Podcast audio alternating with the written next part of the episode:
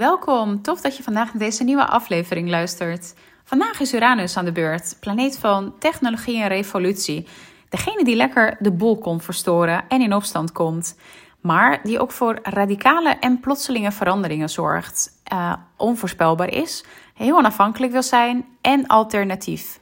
Uranus wil gewoon lekker anders zijn. En het woord normaal komt eigenlijk ook niet eens in zijn woordenboek voor. Daar uh, ja, doet hij niet aan. Uranus die laat ons in onze chart zien waar we uniek in zijn. Onze unique selling point als het ware. Zie het als quantum leap energie ook.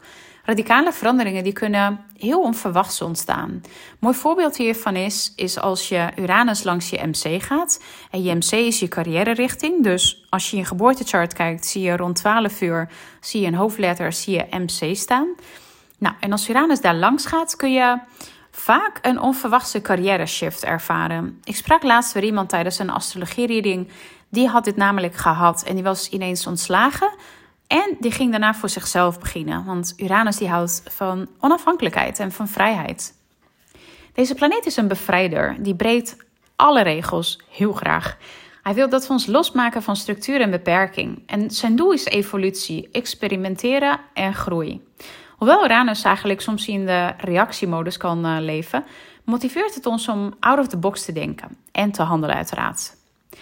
Als we gaan kijken naar de huidige situatie, zit Uranus momenteel in stier. Stier is het teken van geld en veiligheid. En ja, die is daar lekker de boel aan het opschudden en upgraden. Een mooi voorbeeld hiervan is, hoe crypto eigenlijk steeds populairder is geworden. Deze planeet is in 1891 gevonden, dus al een tijdje geleden. En hij blijft ongeveer zeven jaar in een teken zitten. En afhankelijk van zijn retrograde periode. En retrograde was dus wanneer een planeet als het ware achteruit beweegt. In reflectiemodus dus. Hij heeft acht, eh, sorry, 84 jaar nodig om een heel rondje om de zon te draaien. En ja, zoals Pluto is Uranus best wel traag. Al is Pluto echt wel de meest traag van allemaal. Maar ja, Uranus kan er ook echt wel wat van. En hij gaat dus ongeveer ieder jaar in het standje retrograde voor wel vijf maanden. Hij zit er nu sinds augustus 2022 in en hij gaat eind januari 2023 gaat hij dus weer vooruit. We merken hier eigenlijk ja, vrij weinig van, van deze planeten. En nu heb ik het over Jupiter, Saturn, sorry, Saturnus, Uranus, Neptunus en Pluto. Want deze planeten die zijn eigenlijk de helft van het jaar in retrograde. Dus we zijn al redelijk gewend aan deze energie. Het is echter een heel ander verhaal als Mercurius in retrograde gaat. Want die gaat heel veel korter en dat zijn we helemaal niet gewend. En vinden we vaak ook niet heel erg fijn. Maar hier zal ik een aparte podcast over opnemen. Nou, en als laatste, Uranus die heerst over het sterrenbeeld Waterman. En lucht is het element wat hierbij hoort. Ik heb een, uh, podcast over Waterman opgenomen. Dat was nummer 17. En uh, mocht je deze nog niet geluisterd hebben, raad ik je ook echt wel van uh, harte aan om deze nog uh, alsnog te gaan beluisteren. Want dan heb je een iets beter beeld bij Uranus. Nou, en ook bij Uranus, net zoals bij Pluto, is het heel interessant, eigenlijk interessanter zelfs, om te gaan kijken in welk huis het zich bevindt. En een huis geeft eigenlijk aan het gebied in je leven. Uranus die zit namelijk dus zeven jaar in één teken. En um, ja, dan is het eigenlijk relevanter om per huis te gaan kijken, want dat gaat namelijk een heel stuk vlotter. Want per huis kunnen we dus eigenlijk zien waar je kijkt om dingen te veranderen, uh, sorry, te veranderen en waar je dus anders in bent. Nou, en om nu te kunnen zien in welk huis Uranus zit, is het heel handig om je geboortechart uh, tevoorschijn te halen. Zoals ik vaker zeg overigens, is het heel handig ook als je je geboortechart gaat opzoeken om je exact tijdstip van geboorte te weten. Want als je überhaupt eigenlijk je geboortetijdstip niet weet, kun je de huis überhaupt niet vinden. En als je het ongeveer weet, dan de huizen die verschuiven namelijk best wel snel. Dus het kan best wel zijn dat je dus ook naar een foutief huis zit te kijken. Nou, als je je geboortechart uh, wil opzoeken, kun je dat doen op astro.com. En ik heb ook in de show notes heb ik even een direct linkje toegevoegd. Dan kun je bepaalde stappen namelijk overslaan. Nou, en als je je chart hebt gevonden, zoek dan even naar Uranus. Um, het ziet eruit eigenlijk als een, ja, als een stok met twee schotels aan de zijkant, om dat even creatief um, te omschrijven. Ik heb ook in de titel van deze podcast heb ik ook het tekentje hiervan uh, bijgevoegd, dus dan heb je er een beeld bij. Nou, En aan de binnenkant van, je, van de cirkel, dus van je geboortechart, zie je de nummers 1 tot en met 12. Die zitten heel klein in het midden. Zo worden dus de huizen aangegeven. En je moet het dus zo zien dat de 12 sterrenbeelden horen dus bij de 12 huizen. Dus het eerste huis wordt bij Ram, het tweede huis wordt bij Stier, het derde huis wordt bij Tweeling, nou, enzovoorts. Alright, laten we nu naar de huizen gaan kijken. Met Uranus in het eerste huis ben je echt een rebel op en top. En ja, kun je absoluut niet uh, je aan de regels houden. Het is niet dat je het expres doet, maar zo zit je eigenlijk gewoon in elkaar. Je kan het gewoon niet helpen. Je zal je ook op een unieke manier kleden en jezelf presenteren. En je zal waarschijnlijk ook heel vaak van huis veranderen en een andere baan kiezen. Feitelijk omdat je ja, je snel verveelt, als het ware. Nou, met Uranus in het tweede huis is je houding ten opzichte van geld en bezittingen heel anders dan de meeste. Het kan, ja, het kan zijn dat je je niet eens, uh, dat je niet eens geeft eigenlijk om waar je woont en zul je de behoefte tot een minimum beperken.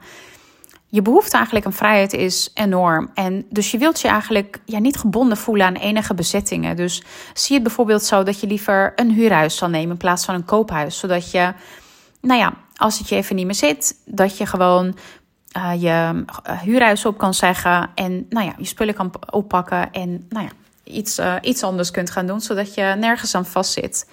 Je financiële situatie kan ja, van het ene uiterste eigenlijk naar het andere gaan. Dus er zullen periodes zijn waarbij je, je ja, heel erg rijk bent. Maar er zullen periodes zijn waarbij je ja, niet eens weet eigenlijk wat je op tafel moet zetten. Omdat je iets enthousiast bent geweest uh, met het uitgeven van je geld. Nou, als derde zien we Uranus in het derde huis.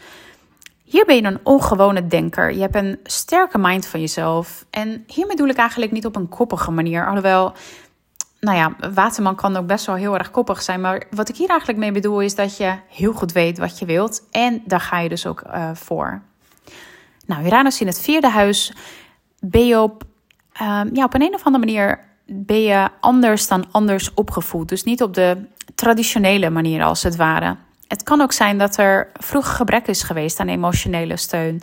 En mocht je kinderen hebben of willen, zul je je wellicht ook op de niet-standaard manier opvoeden. Dus denk bijvoorbeeld aan zelfscholing of dat je bijvoorbeeld heel veel gaat reizen en dat je je kinderen meeneemt.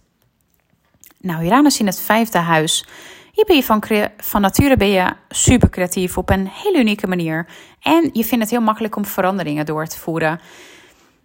Je hebt een sterke behoefte voor vrijheid. En deze zal ervoor zorgen dat je eigenlijk activiteiten kiest die ja, voor anderen wellicht raar klinken. Maar ja, jij bent er eigenlijk heel happy mee. Dus uh, doe je vooral eigenlijk lekker waar je zelf zin in hebt. Uranus trekt zich vrij weinig aan wat anderen van, uh, van hem vinden. Nou, en dan hebben we als zesde Uranus in het zesde huis.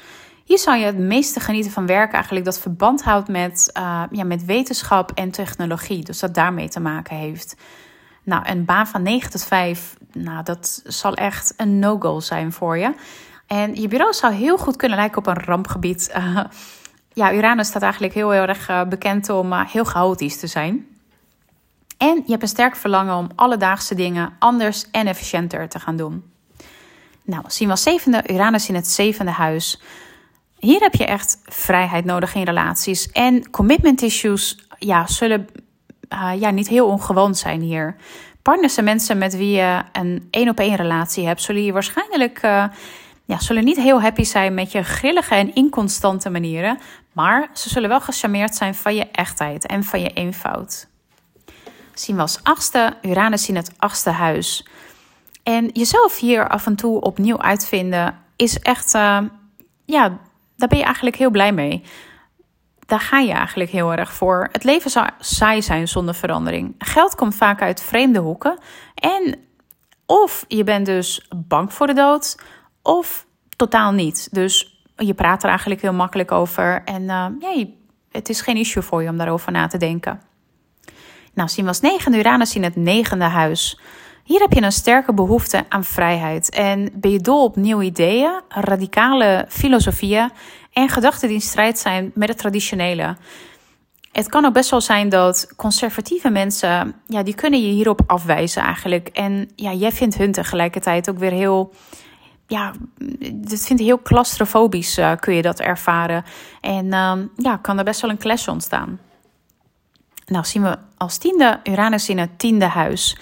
Hier ben je veel onafhankelijk en vind het absoluut niet fijn om gedefinieerd te worden door iets wat je doet. Dus bepaalde eh, titel bijvoorbeeld te hebben uh, voor, voor je baan. Voortdurend ben je echt in beweging in je carrière en je zal je er ook echt wel uh, terugdeinsen om je hiermee te identificeren. En tegelijkertijd heb je ook hiërarchieën en machtspelletjes um, waar je ja, absoluut niks mee hebt. Die zul je ook echt wel, ja, die zul je ook wel afschrikken. Je zal ook echt wel, uh, nou ja, werksituaties of in ieder geval werken aan zich of voor bedrijven gaan werken. Als je al niet je eigen bedrijf hebt. Uh, dat eigenlijk gewoon een, ja, een platte, platte structuur hebben waarbij er gelijkheid is en vrijheid. Nou, zien we als elfde Uranus in het helfte huis. Hier is Uranus natuurlijk ook thuis, want het elfde huis hoort bij Waterman. Hier is je onafhankelijkheid, um, ja, die staat je eigenlijk niet toe om je te nauw te identificeren met een groep of sociale kring. Uh, je verlangt ook echt wel naar idealen en bent over het algemeen absoluut niet, uh, niet bereid om een compromis te sluiten. Om ja, op deze manier eigenlijk bij anderen te kunnen horen. Nou, zien we als laatste Uranus in het twaalfde huis. En hier zul je dus altijd zoeken naar persoonlijke vrijheid en manier om de wereld ja, voor iedereen een betere plek te maken. Je zou ook een artistiek en creatief uh, iemand kunnen zijn. En wat je ook doet, je zult ook merken dat je, je aangetrokken, ja, dat je aangetrokken wordt door alles wat de grenzen overschrijdt, uh, die gesteld zijn door de wereld waarin we leven. Nou, dit was het uh, in het kort over Uranus. Er valt echt nog veel meer te vertellen. Het is soms ook echt wel een challenge om deze podcast niet al te lang te maken voordat ik, nou ja, nog drie uur verder ben. heerlijk zitten kletsen nog erover. Maar ja, zoals ik vaker zeg, als je dus niet of nauwelijks lineair kan herkennen, dan is dat helemaal niet zo gek. Als je dus je eigen chart hebt ingezien en je ziet dus, nou ja, allemaal die gekke tekentjes en lijntjes hier en daar astrologie is gewoon helemaal niet zo zwart-wit. Dus uh, er is natuurlijk veel meer aan de hand. En het een beïnvloedt natuurlijk het ander. Dus dat, uh, dus dat is helemaal niet zo gek. En ik vind het ook bij Uranus juist ook wel heel belangrijk om te zien hoe het communiceert met andere planeten. Dus dat zijn die rode en blauwe lijntjes die je dus in je chart ziet. Dit heet aspecten. En ik zal er ook een andere, ja, een aparte podcast hierover maken. Maar in ieder geval deze maken namelijk Uranus een heel stuk specifieker. Hoe hij dus eigenlijk zich uit en jou beïnvloedt. Dus stuur me vooral even een DM via Instagram. Dan kan ik even met je meekijken. Nou, vanuit mijn eigen ervaring, Uranus zit in boogschutter in het derde huis. En nou, ik herken me dus heel erg in uh, wat ik net eigenlijk vertelde over het derde huis. Dus nou ja, een ongewone denker en dat ik een sterke, ja, sterke wil en een sterke mind heb. En um, wat het ook eigenlijk doet, is dat het een heel mooi lijntje naar mijn zon toe maakt. Dus dat betekent eigenlijk dat het me in staat stelt om mijn ja, uniekheid eigenlijk op een hele vloeiende en harmonieuze manier uit te drukken. En, en ik vind het ook prima, maar dat was overigens uh, vroeger anders. Maar ik vind het nu wel prima om anders gezien te worden. En ja, vroeger was dat eigenlijk, ja, wilde ik liever ja, normaal gevonden worden. En uh, ja, wat het ook eigenlijk mogen zijn. Maar ja, nu heb ik daar eigenlijk wel vrede mee. En is het eigenlijk ook wel leuk om anders gevonden te worden. Want anders ben je ook maar ja, zo gewoontjes als het ware. En als er veranderingen zijn, ga ik er eigenlijk heel uh, ja, snel in mee. En pas ik me snel aan aan nieuwe omstandigheden. Nou, dit was hem weer. Onwijs bedankt voor het luisteren. En tot de volgende aflevering. Dan gaan we namelijk kijken naar Saturnus, planeet van je levensles. Nou, fijne dag voor nu en tot de volgende keer.